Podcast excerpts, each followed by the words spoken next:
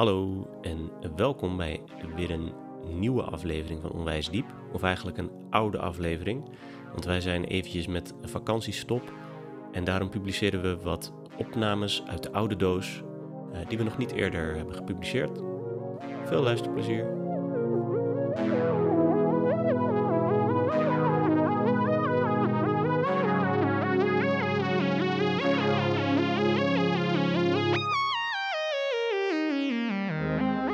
Welkom, lieve luisteraar, bij Onwijs Diep, waarin we elke week een filosofisch citaat onder de loep nemen met de vraag: hoe diep is dit eigenlijk?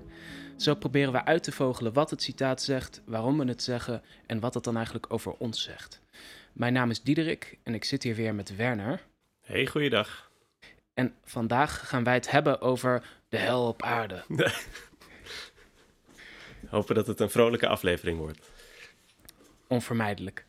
Want het citaat van de dag is: Elke poging om de hemel op aarde te verwezenlijken schept onvermijdelijk een hel. Dat is een citaat van Karl Popper. Uh, in het Engels uh, zei hij: The attempt to make heaven on earth invariably produces hell.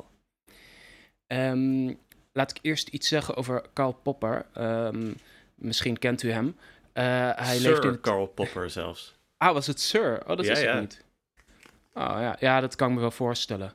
Uh, dit Karl Popper is, uh, leeft in de 20e eeuw. Is geboren in 1902, gestorven in 1994. Uh, Oostenrijks-Joods. En um, um, wel belangrijk gevlucht in 1937. om voor de hand liggende redenen. volgens mij eerst naar Nieuw-Zeeland, waar hij in de jaren 40 woonde. En ik geloof dat hij in 46 naar Engeland is gegaan en daar verder heeft gewerkt en geleefd. Um, nou, ik zou veel mensen kennen hem. Ik ken hem vooral uh, al van zijn wetenschapsfilosofie. Uh, en ik denk dat veel studenten hem als, bij wetenschapsfilosofie krijgen. en dan staat hij bekend om zijn falsificatieprincipe. Hij stelt dat we in de wetenschap misschien geen zekere kennis kunnen genereren. Maar dat betekent niet dat je geen wetenschap kunt doen. Want um, een uh, uitspraak is wetenschappelijk als die weerlegd kan worden uh, door een empirisch bewijs. Dat wil zeggen een, uh, een waarneming. Um, en dat is dus een soort praktische manier om, om wetenschappelijke uitspraken te scheiden van niet-wetenschappelijke uitspraken. Dus je kan je altijd afvragen als je iets zegt, wat zou er nodig zijn om dit te weerleggen? En um, als, er niks, als, als je niks kan bedenken, dan is het waarschijnlijk niet zo'n zinnige uitspraak. Niet een uitspraak waar je veel mee kan in de wetenschap. Dat is geloof ik zijn punt. Ja, precies. Um, en, uh, maar uh, Popper heeft ook over politiek geschreven. En dat is niet zo verwonderlijk vanwege zijn situatie. Was dus een vluchteling. Ook wel een uh, politiek vluchteling, mag je dat noemen. dit citaat komt uit De Open Samenleving en haar vijanden. The Open Society and its Enemies. Dat is gepubliceerd in 1945. En dit citaat komt dan uit het tweede deel. The High Tide of Prophecy, Hegel, Marx and the Aftermath. Um, dus dat is een boek met een mening over Hegel, Marx en, um, en de gevolgen en daarvan. Plato.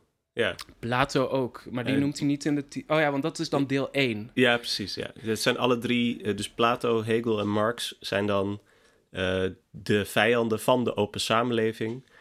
Uh, omdat de open samenleving is eentje waarin we allemaal vrij kunnen zijn. En wat zij uh, allemaal zeggen is dat um, de, de geschiedenis onvermijdelijk naar een bepaald soort harmoniepunt of een soort utopie toestreeft. En wij moeten die geschiedenis een handje helpen, zeggen Hegel en Marx dan. enigszins zeggen ze een beetje. en daarmee rechtvaardigen ze dus geweld tegen individuen ten behoeve van een soort van hogere samenlevingsvorm. En uh, dat is dan uh, erg. Dat is dan, ja. uh, dat zijn, daarom zijn dus vijanden van de open samenleving dat ze bereid zijn om individu, eh, individueel leven ondergeschikt te maken aan een soort van staatsdoel. Ja, bij Hegel en Marx is dat dan heel historisch. En bij Plato is dat het idee dat de filosofen hun model opleggen of zo aan de samenleving. En, dat, ja. en daarmee doe je die geweld aan of zo. Ja. Uh, nou, daar gaan we vast allemaal interessante dingen over proberen te zeggen. Um, in, in, uh, uh, laat ik iets zeggen over de context van dit citaat. Dus in dat boek, het tweede deel van The Open Society and Its Enemies. Hij stelt daar. Mensen gelukkig willen maken is misschien wel het gevaarlijkste politieke ideaal. Het leidt altijd tot de poging om onze eigen hogere waarden aan anderen op te leggen, om hen te doen beseffen wat volgens ons het belangrijkste is voor hun geluk. Om als het ware hun zielen te redden. Dat wil zeggen, het leidt tot utopisme en romantiek. We zijn er zeker van dat iedereen gelukkig zou zijn in de samenleving van onze dromen. Maar elke poging om de hemel op aarde te verwezenlijken schept onvermijdelijk een hel. Het leidt tot intolerantie, religieuze oorlogen en het redden van zielen door middel van inquisitie. Nou, dat is een duidelijk kader waarin dit citaat voorkomt. Ja. Um, elke poging om de hemel op aarde te verwezenlijken schept onvermijdelijk een hel. Eerste indrukken. Wat, uh, wat dacht jij? Uh... Even denken. Wat dacht ik? Ja. Nou, mijn eerste, um, mijn, het eerste waar ik aan denk, ik vind het geloof ik eh, wel een mooi citaat.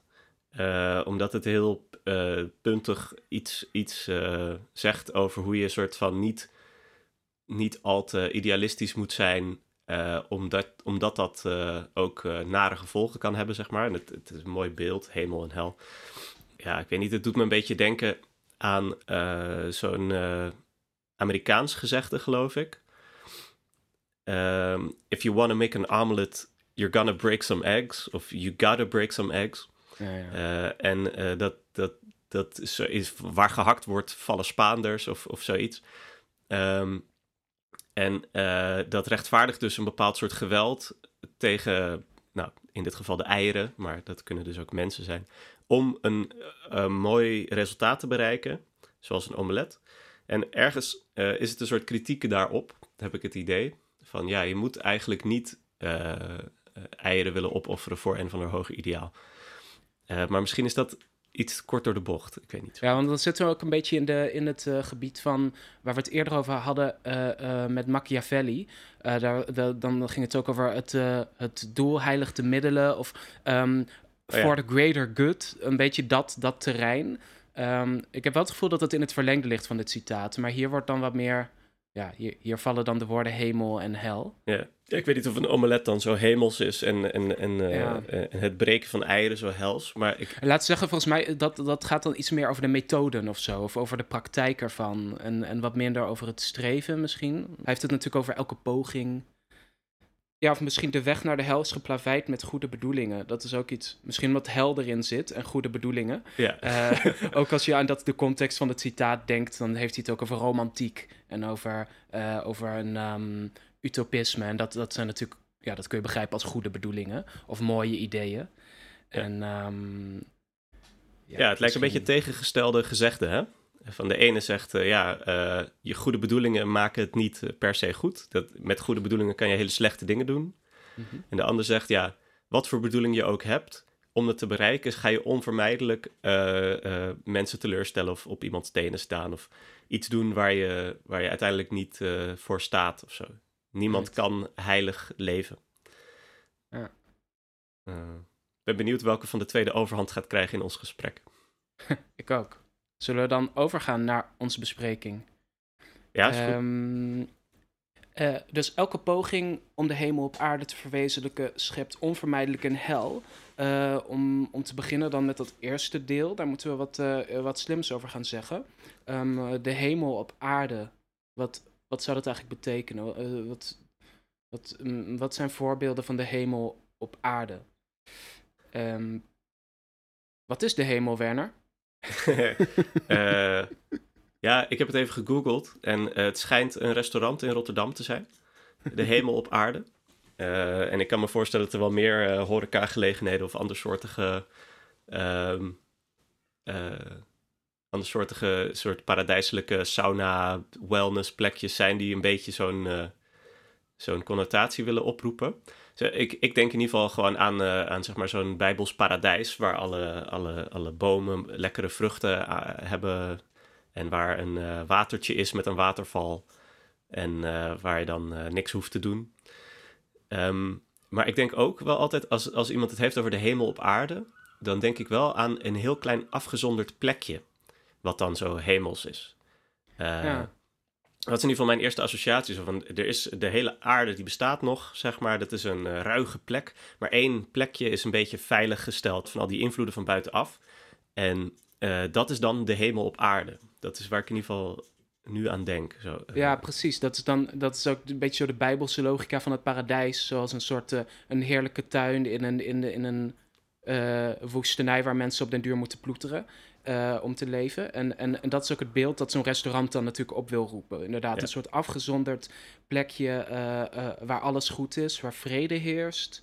Um, Laat je lekker verwennen. Ja. hier worden al je behoeften vervuld. een beetje zo'n soort geen conflict, misschien, geen, ja. geen leed. Um, right, en pogingen om die op aarde te vestigen, natuurlijk heel voor de hand liggend op, op grond van wat we net al hebben ingeleid, is uh, een politieke poging om de hemel op aarde te vestigen. En dan betekent dat, uh, ja, dat is eigenlijk nog een beetje toevoegend aan wat we kunnen verstaan onder de hemel op aarde. Een, een perfect systeem, gewoon een perfect politiek systeem waarin iedereen ja. zo gelukkig is als hij, als, hij, als hij kan worden of zo. Ja, ja Popper heeft het geloof ik wel echt over utopisme. Hè? Uh, ja. dus een utopie stichten, dat is wat hij volgens mij bedoelt met de hemel op aarde.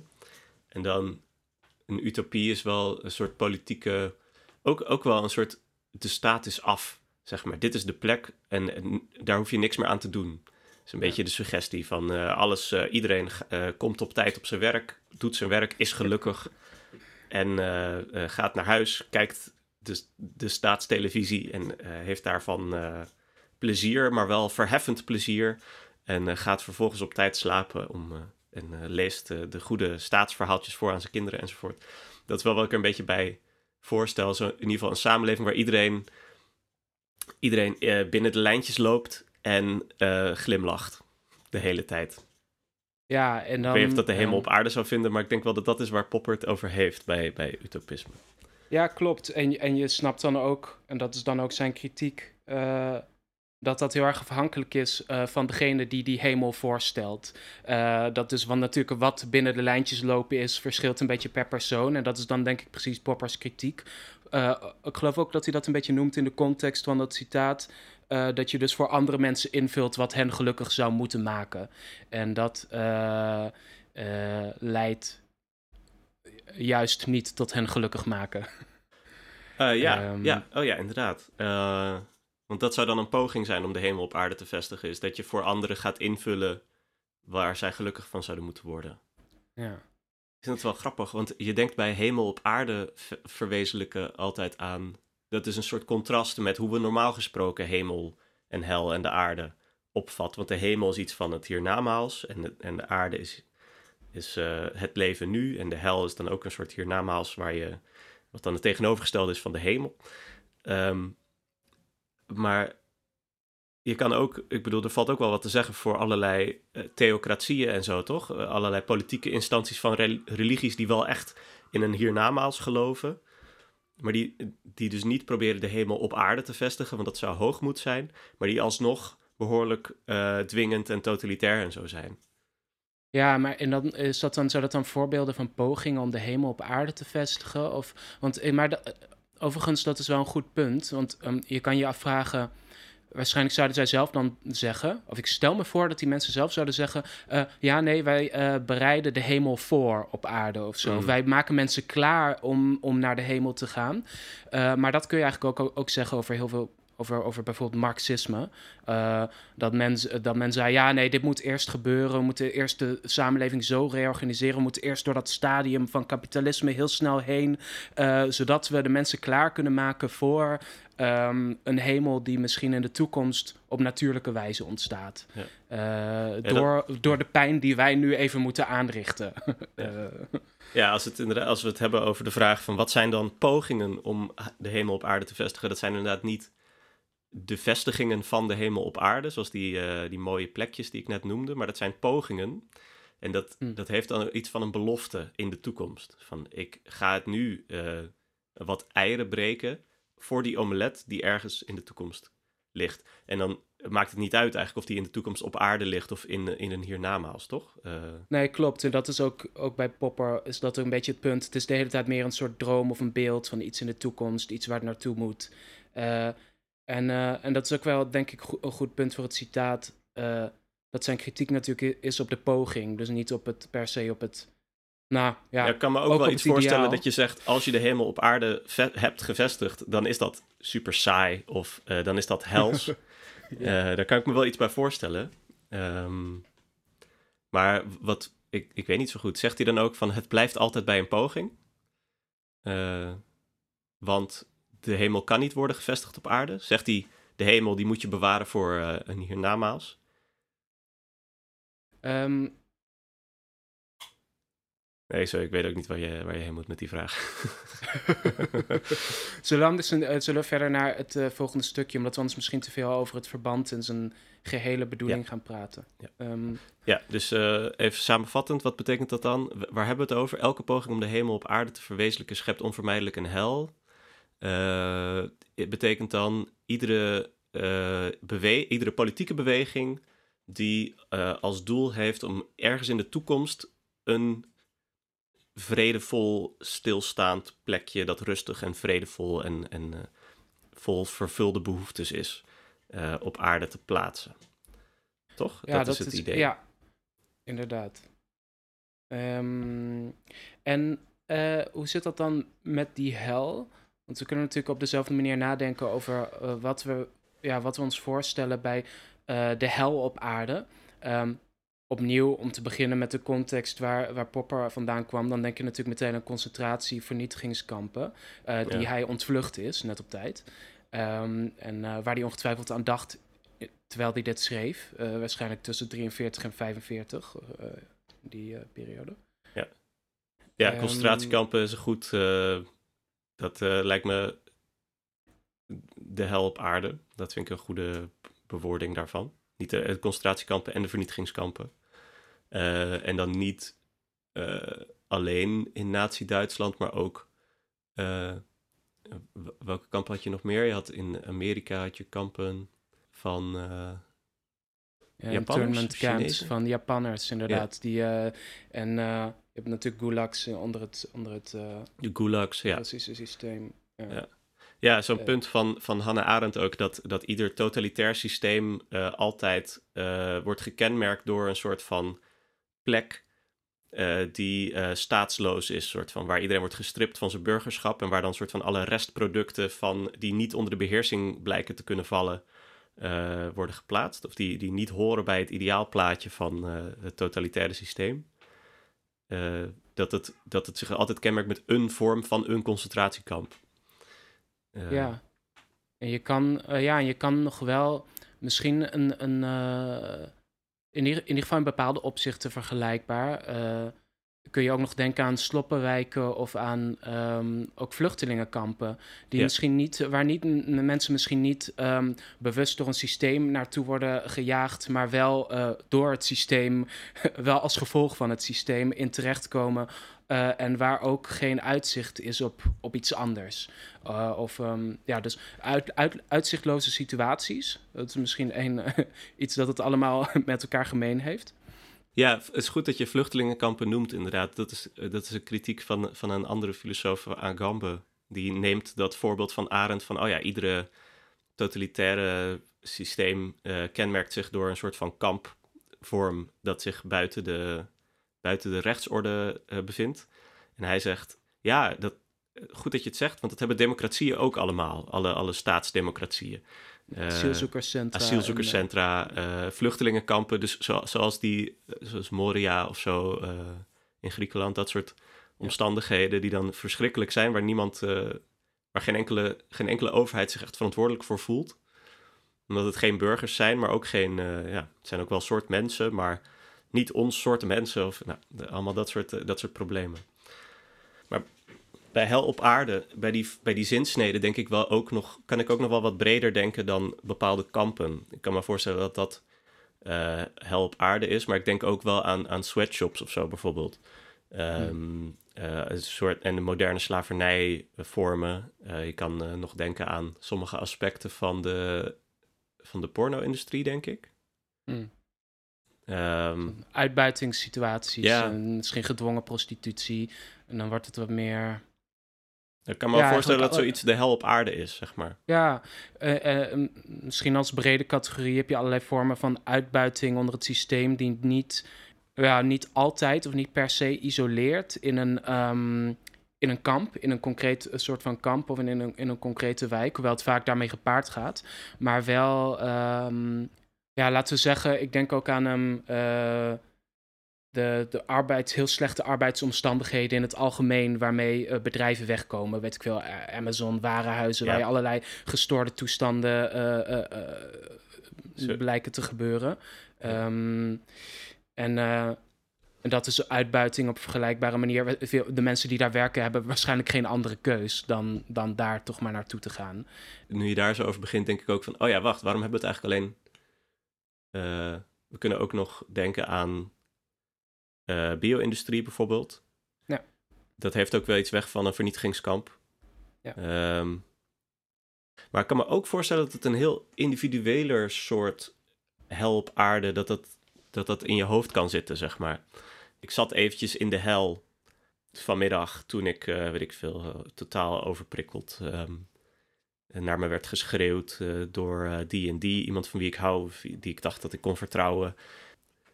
Dat, dat dat al hels kan voelen, in ieder geval. En ik weet niet of je dan moet zeggen de hel op aarde. Uh, ja, misschien de hel. ja, maar wel, ik snap wel wat je bedoelt. Een, de, een hels leven, een, uh, uh, ja, een, een, een, de hel in een aards leven of zo. in het leven op aarde. Ja, en, en hebben al die vormen van hel iets met elkaar gemeen? want ik dacht, voor mijn gevoel heeft het nadenken over wat de hel op aarde is, leidt een beetje toe dat je allerlei voorbeelden verzint van wat mensen het ergste is wat een mens zich kan voorstellen als lot. uh, en daar, dat heeft wel bepaalde kenmerken. Want ik zei net al iets van. Um, ja, uitzichtloosheid, zei je net. Ja, uitzichtloosheid. En um, uh, machteloosheid ook. Dat is met of je nou in een, in een wijk woont waar je niet uit kan, of in een, in een, in een baan zit waar je, nou ja, waar je op aangewezen bent, uh, een uitbuiting of een concentratiekamp. Um, het leed of een deel van het leed, een component van het leed die overal voorkomt, is dat, dat je er niks aan kan doen. Ja. Um, dus je kan er niet aan ontvluchten. Dat is ook een beetje het idee van de hel, ook uh, voor eeuwig. Uh, nu zit je hier omdat je niet goed hebt gedragen, zeg maar in de religieuze zin. Ja. Oké, okay, je komt in de hel, um, jammer dan. Ja, het voelt als, als iets waar geen, geen einde aan is. Ja. en dat heeft ook wel iets te maken met de soort ontmenselijking van, de, van degene die er dan zijn. Wij, zelfs, ik bedoel, ik noemde net de bio-industrie. Uh, zelfs daar zeggen we, dit zijn onmenselijke omstandigheden voor deze dieren. Uh, een bepaald soort waardigheid die geschonden wordt. Ik, ik, kan me voorstellen dat je, zeg maar, er zijn heel veel vormen van pijn die een mens makkelijk kan dragen zeg maar, heel veel vormen van pijn. Uh, bijvoorbeeld gewoon als je veel inspanning moet leveren of zo, als, als uh, sporter of als, als, als uh, soldaat misschien. Dat je dan kan zeggen, ja, ik, ik, er was wel lijden en zo, maar ik was ook nog, zo, ik, ik wist waarvoor ik het deed of zo. Ik, ik wist dat het een bepaald doel diende en dat kan je dan, kan je dan helpen door zo'n situatie heen te komen. Nee, dan ah, wordt het nog niet zo hels, zeg maar. Dus de, de pijn zelf, denk ik dat het niet tot hel maakt, maar juist het, het uitzichtloze, het idee dat je misschien dat je het helemaal alleen uh, uh, staat in je, in je lot, of dat je niemand. En dat het nergens toe dient, inderdaad. Dat, dat er zijn eigenlijk een paar dingen van uh, eenzaamheid, dat je niet. ja, maar ook dat is misschien zijn twee verschillende dingen. Of je, de, de, ja, dat je eenzaam bent en, op je, en, en zelf dat lot moet dragen. en anderzijds dat je. Um, ja, dat je leed verder ook geen enkel doel dient. Dat het niet, niet voor een, een grotere zaak is uh, waar jij zelf nog in gelooft, in ieder geval. Dus dat, Ik mm. denk dat dat het een, een hel maakt, dus de, uh, samenvattend. Uh, ja. Wanneer is het een hel? Wanneer je je niet als mens behandeld voelt, een soort vernederd. Wanneer je je geïsoleerd en eenzaam voelt. Wanneer je die situatie uitzichtloos lijkt en geen doel dient. Is dat, uh... dat, Ja, dat uh, mee eens. En dat geïsoleerde, dat is ook die link met waarom we, waarom we zeggen van um, uh, de bio-industrie dat die onmenselijk is. Omdat dieren die heel duidelijk sociaal zijn en heel duidelijk uh, veel van dat soort kenmerken met ons gemeen hebben, dat die worden geïsoleerd en dat we snappen dat dat voor hen, nou tenminste, veel mensen willen dat misschien ook niet snappen, liever. Maar ehm, iedereen die ja. er even over nadenkt, snapt dat dat precies onmenselijk is, omdat het die dieren niet als Ehm, ja, als, een, als een wezen met sociale relaties behandeld. Ja. Uh, en, uh, ja. Um, misschien moeten we dan iets gaan zeggen over het hele citaat. En uh, dus elke poging om de hemel op aarde te verwezenlijken schept onvermijdelijk een hel. Um, waarom is dat zo? en is dat zo? En waarom is dat dan zo? ja, nee, dus, want hij schept natuurlijk een verband van. Dus um, een poging om die hemel te vestigen leidt tot een hel. Um, dus Popper zegt dat best wel sterk. Uh, van, Elke poging, onvermijdelijk, invariably, zonder, zonder afwijkingen, is dat altijd zo dat dat tot een hel leidt. Ja, dat is nogal wat. Want we zeiden eigenlijk zelf al, terwijl we hem inter interpreteerden, kwamen erop uit dat hij eigenlijk denkt aan een vrij specifieke situatie. Uh, waar hij zelf ook uh, nauw mee te maken had, natuurlijk in zijn, in zijn tijd. Um, Dus het uh, politieke systeem proberen te vestigen. En misschien, ja, wat zei hij over de, de hemel op aarde als in een systeem waarin alles al voltooid is? Dus als je uitgaat van het ideaal, het streven naar een, een, een perfect systeem waar niemand meer iets te klagen heeft, dan, als je dat probeert te doen, dan leidt dat onvermijdelijk niet tot dat systeem dat jij voor ogen hebt, maar tot een soort tegengesteld leed. Zeg maar, uh, zo mooi als je het je voorstelt, zo erg zal het worden. Uh, bijna. Ja, ja ik, ik, denk dat er wel wat voor te zeggen valt. Dat als je een systeem probeert te maken dat als het ware geen verandering meer toestaat en geen, geen nieuwigheid. Uh, dat alles, dat, dat, beeld dat ik net aan het begin schetste van iedereen staat om dezelfde tijd op, gaat vrolijk naar zijn werk met een glimlach. En houdt elkaar als het ware de hele tijd in de gaten of, of we allemaal wel gelukkig aan het zijn zijn. Ja. Ehm, dat, dat, daar zit wel dat stukje van menselijke waardigheid dat dan kwijtraakt.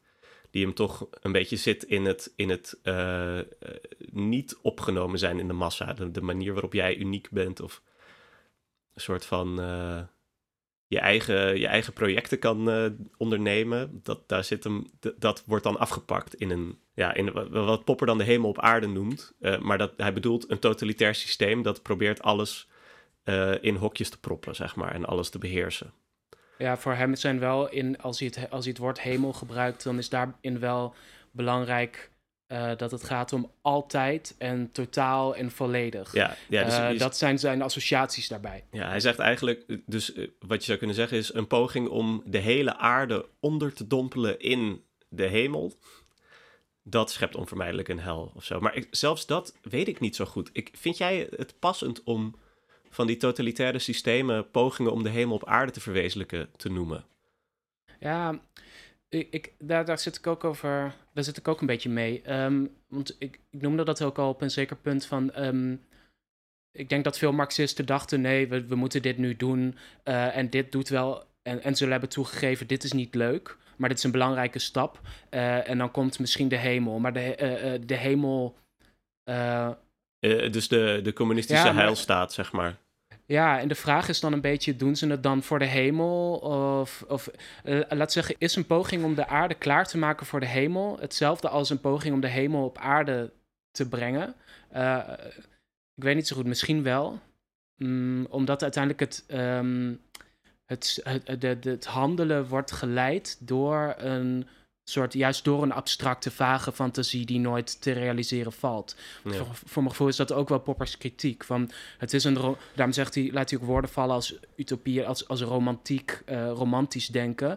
Uh, natuurlijk kan dat niet. En natuurlijk gaat het daarom mis. Um,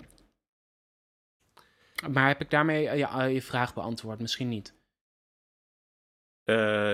ja, want zou je zeggen dat bijvoorbeeld alle mensen in de politieke sferen van uh, communistisch Rusland en of Nazi-Duitsland, die allemaal bezig waren de hemel op aarde te vestigen.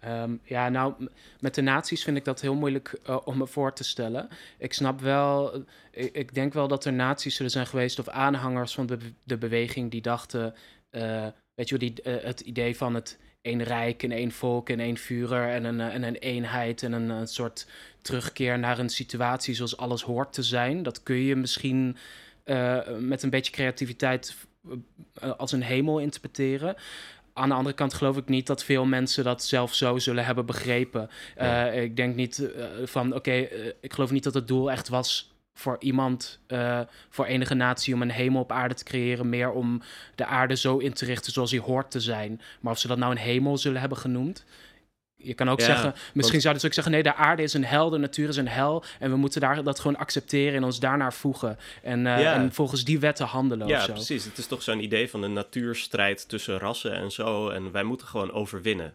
Dus het is, ik heb het idee dat het van een heel specifieke vorm van rechtvaardigheid misschien dat het nastreeft. Van wij zijn beter dan andere volkeren. En dus moeten wij ze domineren. Zeg maar dat dat een soort uh, motivatie was voor het nazisme. Maar wat, wat Popper zelf zegt is van politieke idealen die er naar streven om mensen gelukkig te maken. Dat is het gevaarlijkste soort politieke ideaal dat je hebt, dat je kunt hebben. Maar ik weet niet, ik heb niet het idee dat de nazi's er naar streeft om hun mensen allemaal gelukkig te maken. Ik denk eerder dat het een soort van nou ja, ik, ik weet niet of je het dan een soort van wrok moet noemen of zo om de Eerste Wereldoorlog. Maar in ieder geval was er heel veel motivatie, was een soort van, uh, een soort van uh, onrechtsgevoel. Of een streven naar een bepaald soort rechtvaardigheid. Dat is ook wat je hedendaags populisme heel erg uh, veel meer hoort dan voorstellingen van hoe de ideale samenleving eruit zou zien, toch? Hmm. Dat je zegt, ja, dit en dat doen ze allemaal verkeerd in Den Haag. Dat en dat is uh, allemaal heel onrechtvaardig. Die en die worden niet gehoord en begrepen in de politiek. Dus we moeten, weet ik veel, uh, naar Den Haag uh, marcheren om daar even orde op zaken te stellen. Dat is een even generieke populistische boodschap. dat is niet een poging om iedereen gelukkig te maken. Uh, Dat is niet een, en dus ik zou ook zeggen, dat is niet een poging om, om de hemel op aarde te verwezenlijken. Bij, bij ja, ik weet niet, ik denk toch, toch eerder aan dat je dan uh, bij een politieke poging om de hemel op aarde te vestigen, denk ik eigenlijk altijd aan van die kleine sectes. Zeg maar van die soort van wij gaan, uh, van die hippie gemeenschappen en zo, van die, van die pogingen van wij trekken ons terug uit de politiek uit de samenleving. En wij gaan met z'n allen een hutje op de hei. En dan verbouwen we onze eigen groenten. En dan, uh, weet ik veel, masseren we elkaar iedere dag. En dan doen we yoga. En dan zijn we vet in contact met uh, de wereld. Enzovoort. dat, dat soort uh, bewegingen denk ik aan pogingen om de hemel op aarde te verwezenlijken. Libertarische nederzettingen, die, dat, dat is ook wel eens gedaan. als een soort aan, het andere kant van, aan de andere kant van het spectrum. Juist. Ja. Eh, maar goed, ja, ik weet niet. Dan, um, het probleem is voor mijn gevoel dat Popper zegt dat, um, dat het er altijd om draait, inderdaad, om uh, iedereen gelukkig te maken. Um, want dat is, en dat is ook een beetje geïmpliceerd in de hemel, dat waar iedereen gelukkig is. terwijl alle systemen waaraan je denkt en alle pogingen, daar is wel sprake van een ideaal of iets proberen te vestigen. Uh, maar of dat per se de hemel is, ja, dat weet ik niet. Eh, volgens mij niet, eigenlijk gewoon. Um, ja, en een andere, vraag, een andere vraag is natuurlijk ook... Uh, wanneer en in hoeverre leidt dat onvermijdelijk tot een hel? Dat zo'n poging om bijvoorbeeld een, een, uh, een, perfecte gemeenschap... of een perfecte staat of, een, of zoiets in te richten je kan natuurlijk makkelijk voorbeelden verzinnen van bijvoorbeeld de sectes die uiteindelijk leiden tot een soort massa-zelfmoord of een, uh, uh, weet je wat, uh, het libertarische kamp dat uiteindelijk uiteenvalt omdat er geen wetten zijn, of, het, of de regimes die, in, die, die onvermijdelijk instorten um, nadat ze hel zijn geworden. Um, maar ja, is het per se onvermijdelijk? Zijn er misschien, kunnen we voorbeelden bedenken van een, van een poging iets dat je een poging om de hemel op aarde te, te, te verwezenlijken zou kunnen noemen, maar die niet per se een hel zijn geworden. Ja, een wellness resort. Uh, ik bedoel, ja, voor sommige mensen zal het een hel zijn hoor, met al die dampen en prikkels en, uh, en dingen. Maar uh, het is ook vrij warm. Ehm, maar ik, ik, en ook dat restaurant in Rotterdam zal, zal het prima doen, zeg maar. dat, dat weet ik niet. Volgens mij hadden ze 4,2 sterren op, op Google. Um, ja. Dus veel bescheidenere pogingen om, de hemel op, om een, hemel, een stukje hemel op aarde te verwezenlijken, lijken wel heel vaak goed te gaan. Ehm, maar ja, misschien, als we, als ik, misschien dat ik het wel met Popper eens ben. Dat juist omdat, het dan, uh, omdat we het al, al een beetje nuanceren en zeggen een stukje hemel op aarde.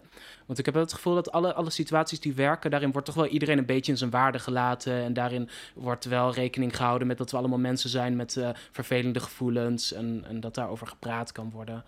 Um, of, zou dat passen in de hemel? Conflict bijvoorbeeld? Laat zeggen gematigd conflict tussen mensen en de ruimte om ja, voor ieder om zichzelf te zijn?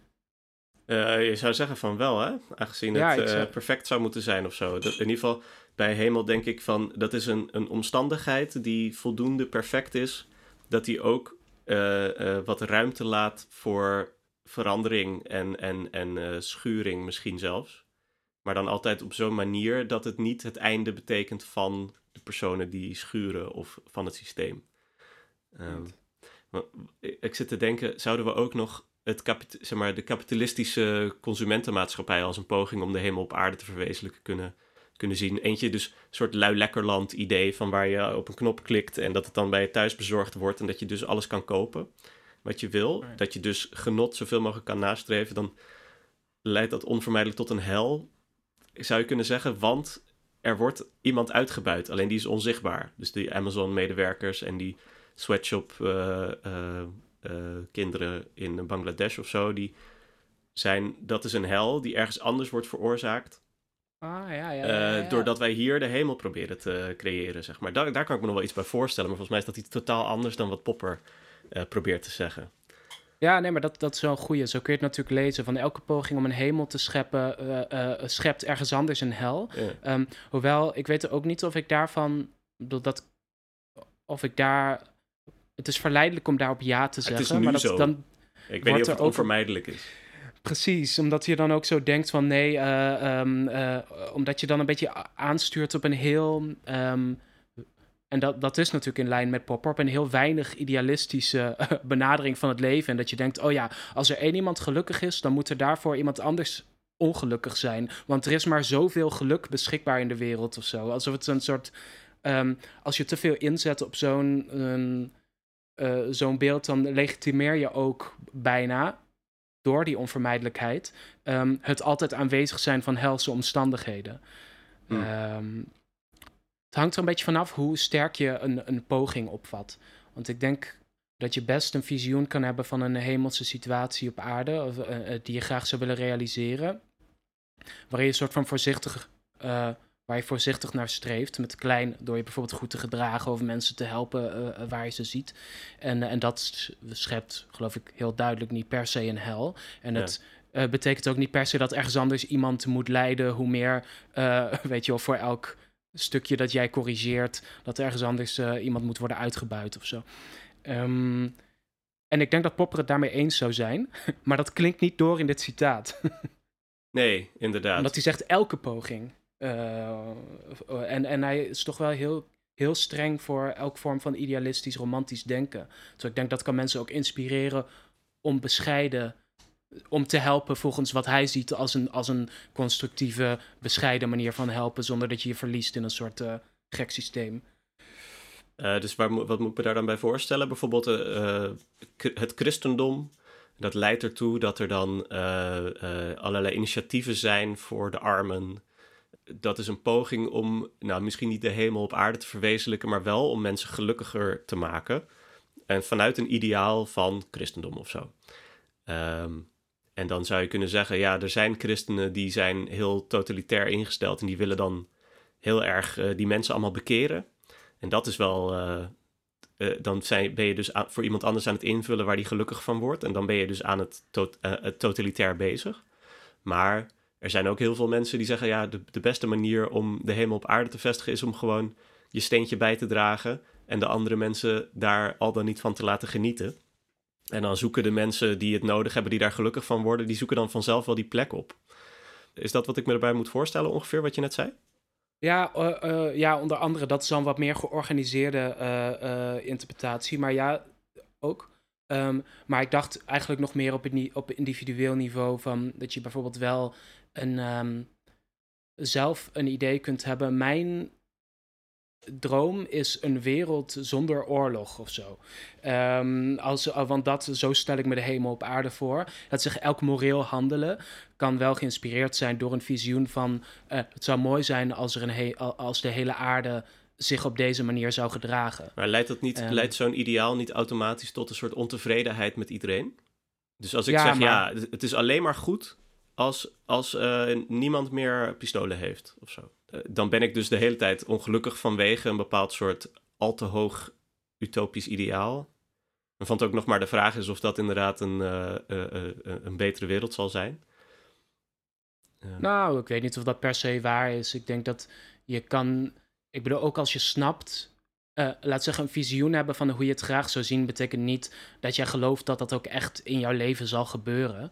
Je kan natuurlijk ook gewoon betrokken zijn vanuit een, een idee van, ah, ik wou dat er op den duur een hemel op aarde kwam. Ik uh, ga mijn hele leven lang um, binnen het systeem zoals het nu nou eenmaal is, uh, proberen dat langzaam in die, in die richting te verbeteren. Dus niet op een soort gewelddadige, directe manier van nu moet alles totaal anders. Maar meer, dit is waar ik uiteindelijk uit wil komen. En stukje bij beetje uh, probeer ik mensen over te halen om dat ook te willen. En dan wordt het. Dan is het niet meer je wil opleggen, maar gewoon mensen proberen het gesprek aan te gaan met mensen en te proberen ze over te halen dat uh, ze bijvoorbeeld um, iets ambitieuzer zijn in hun um, uh, uh, politieke streven of hun morele streven. Ja, en uh, dus je zegt elk handelen dat zich laat inspireren door een ideaal, dat is, ehm, dat is uh, nog wel oké, toch? De, je, ja. je mag best een beeld hebben van hoe het graag zou zijn. Hoe je het graag zou hebben. En dan moet je inderdaad stapjes in die richting nemen. Dat mag allemaal. Maar ik weet niet of ik dan zou zeggen, dat is een poging om de hemel op aarde te verwezenlijken. Nou, ik zeg, ik, dat is dus mijn punt. Ik denk dus dat je het wel best zo kunt lezen. Ik weet zeker dat Popper dat er niet, niet mee bedoelt. Uh, maar ik heb wel het gevoel Waarom dat zou dat een poging zijn om de hemel op aarde te verwezenlijken dan? Waarom niet? Omdat, uh, omdat wanneer je alleen maar stapjes in die richting doet en realistisch bent over dat het niet te verwezenlijken is, dat ik het dan anders zou noemen. Ik ben het, wel, ik ben het ook wel met jou eens dat. Uh, maar da daarom noemde ik die christenen als voorbeeld van. Ah, die, die creëren een plekje en die moedigen moreel gedrag aan, maar die zijn zich ervan bewust dat dat niet iets is wat je aan iedereen kan, van iedereen kan afdwingen, zeg maar. En dus laten ze het ook een beetje los. Dus ze zijn niet voortdurend bezig die, die principes van de hemel aan de aarde op te leggen, zeg maar. Ja, maar en dan is de conclusie dus, uh, dat... het kan niet totaal, het kan niet, het kan niet te rechtlijnig en het kan niet te perfectionistisch. Uh, je moet, laten zeggen, wel de aarde laten bepalen wat er mogen, hoeveel hemel er op elk moment mogelijk is of zo. Nou ja, ja wat, wat het verwarrende is en waar ik, waar ik natuurlijk wel eens ben met jou, is dat wat Popper zegt is iedere uh, poging om mensen gelukkig te maken uh, in de politieke zin schept onvermijdelijk een hel. Hij zegt ja, het poging om de hemel op aarde te verwezenlijken, dat is uh, wat is het? Van alle politieke idealen is, die, is het, het gelukkig maken van mensen het gevaarlijkste ideaal. Dan denk ik, nou, volgens mij is dat niet hmm. zo. iedere politiek ideaal dat een soort heel duidelijk helder beeld heeft van hoe het er allemaal uit zou moeten zien, en niet anders. Dat is een probleem. Maar ik weet niet of dat meteen vanuit een ideaal is om mensen gelukkig te maken. Mm. Dus is het dan, uh, kunnen we het dan daarover eens worden? Ja. Um, ja, ik dacht nog wel dat je het eigenlijk bijna op zijn. bijna uh, kan doen op een, manier die uh, vergelijkbaar is met zijn falsificatiemethode. Dat je denkt, je hebt bijvoorbeeld een visioen van zo wil ik graag, uh, dit is mijn beeld van, mijn ideaalbeeld van hoe de wereld zo zou zijn. Ik geloof niet dat het zo zal worden of, of, kan worden, maar dit is, dit is mijn droom.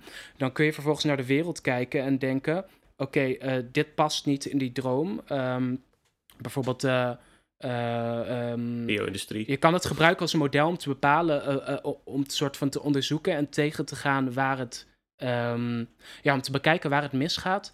En, en daar concreet iets tegen te doen. Bijvoorbeeld ehm, in mijn ideale wereld worden er geen mensen gediscrimineerd op basis van iets wat ze zijn, uh, maar alleen op, alleen op basis van hun handelen of zo. Ja. Um, dan kun je denken, oké, hier is discriminatie, dus dat moet eruit. Ja. Uh, nee, wat je nu uh, voorstelt is heel mooi wat Popper voorstelt. hij, hij stelt tegenover het proberen te vestigen van de hemel op aarde.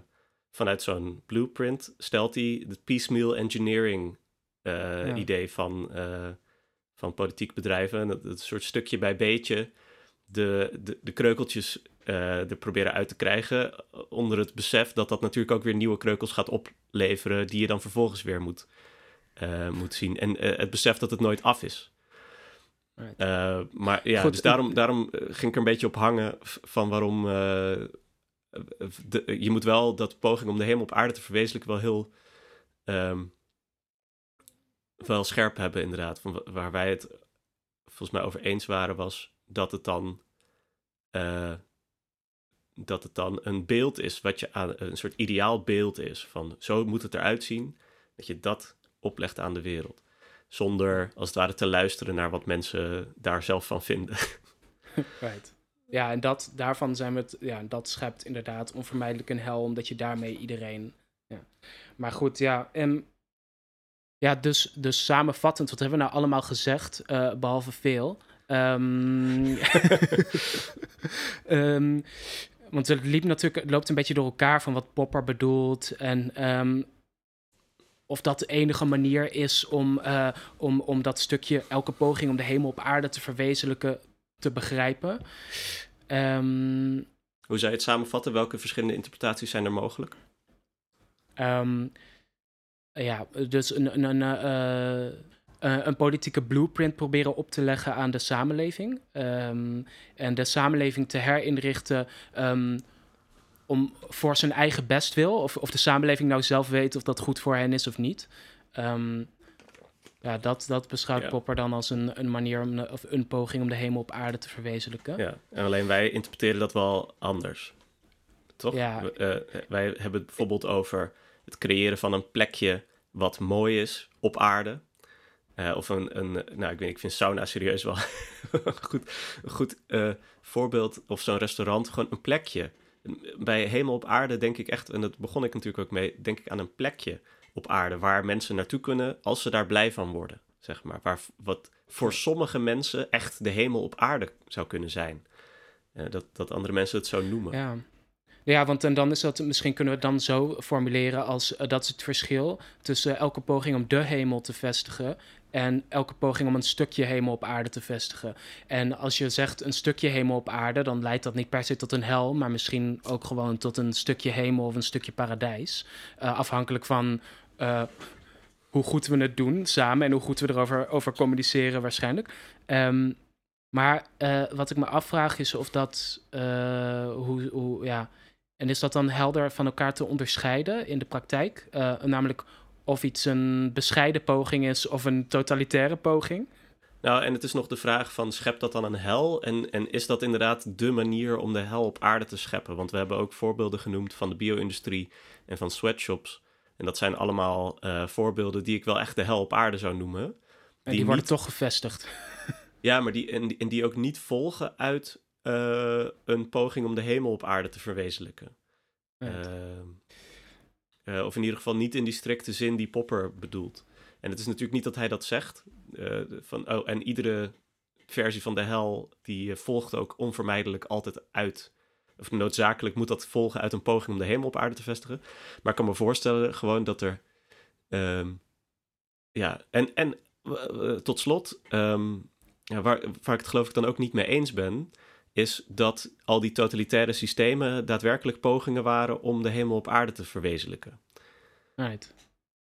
Ja, want dat is dan zijn interpretatie. Hij zegt, uh, want uh, een beetje op basis van wat je net zei, die hel die ontstaat soms gewoon, om, om, om niet per se vanuit dat streven. En het is dan eigenlijk zijn uh, interpretatie om te zeggen, ja, dat komt door te veel idealisme of te veel romantiek of te veel utopisme. En dat is op zich een soort van verleidelijk argument.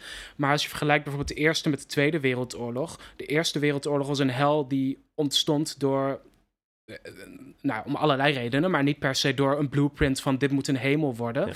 En de Tweede Wereldoorlog, en de, de uh, daarop is dat model dan ineens wel van toepassing. Daar gebeurde het door het idealisme van de naties of hun poging om een blueprint op te leggen. De vraag is of dat helemaal een eerlijke voorstelling van zaken is. Of misschien ging het wel om allerlei andere redenen zo mis.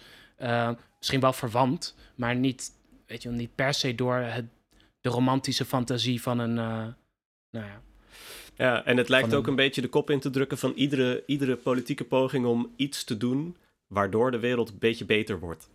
Dat is natuurlijk wel wat jij probeerde te zeggen, eh, wat ik nu ietsje beter inzie. Maar, ook een politieke partij die zegt, weet je wat wij moeten doen? Wij moeten het OV gratis maken, of zo. Daarmee creëren we een klein beetje hemel op aarde in Nederland. Of zo. Dat, dat, uh, nou, ik kan me voorstellen dat het een helse drukte wordt natuurlijk bij de trein, maar dat is dan niet het soort hel waar, waar Poppert over heeft. Het is alsof er geen enkele vorm van idealisme mogelijk zou moeten zijn, in de, of uh, geen enkele vorm van idealisme toegestaan is eigenlijk in de politiek. Dat je altijd, uh, altijd moet, bezig moet zijn eigenlijk met alleen maar de negatieve dingen die er nu misgaan en die te proberen te verbeteren of op te lossen. Maar niet ja. in de toekomst kijken om daar iets te, te realiseren wat misschien wel heel nuttig of, of goed kan zijn voor mensen. Ja, precies. Ik denk dat dat is waar het, waar het een beetje. Het is ook heel begrijpelijk dat hij, dit, uh, dat hij zich hierop concentreert in zijn tijd, omdat hij natuurlijk heeft gezien hoe het mis kan gaan door misschien te veel uh, gezwets of niet voorzichtig genoeg proberen de wereld te verbeteren.